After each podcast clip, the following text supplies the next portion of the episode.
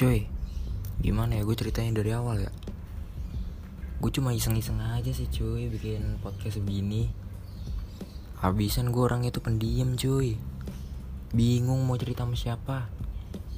Kalau mau cerita ke orang Juga kayaknya yang gue pikirin Orang itu kayak nganggap biasa aja. Malah takutnya gak ada respon. Gue punya sih cuy wanita. Cuma gue tertutup cuy orangnya.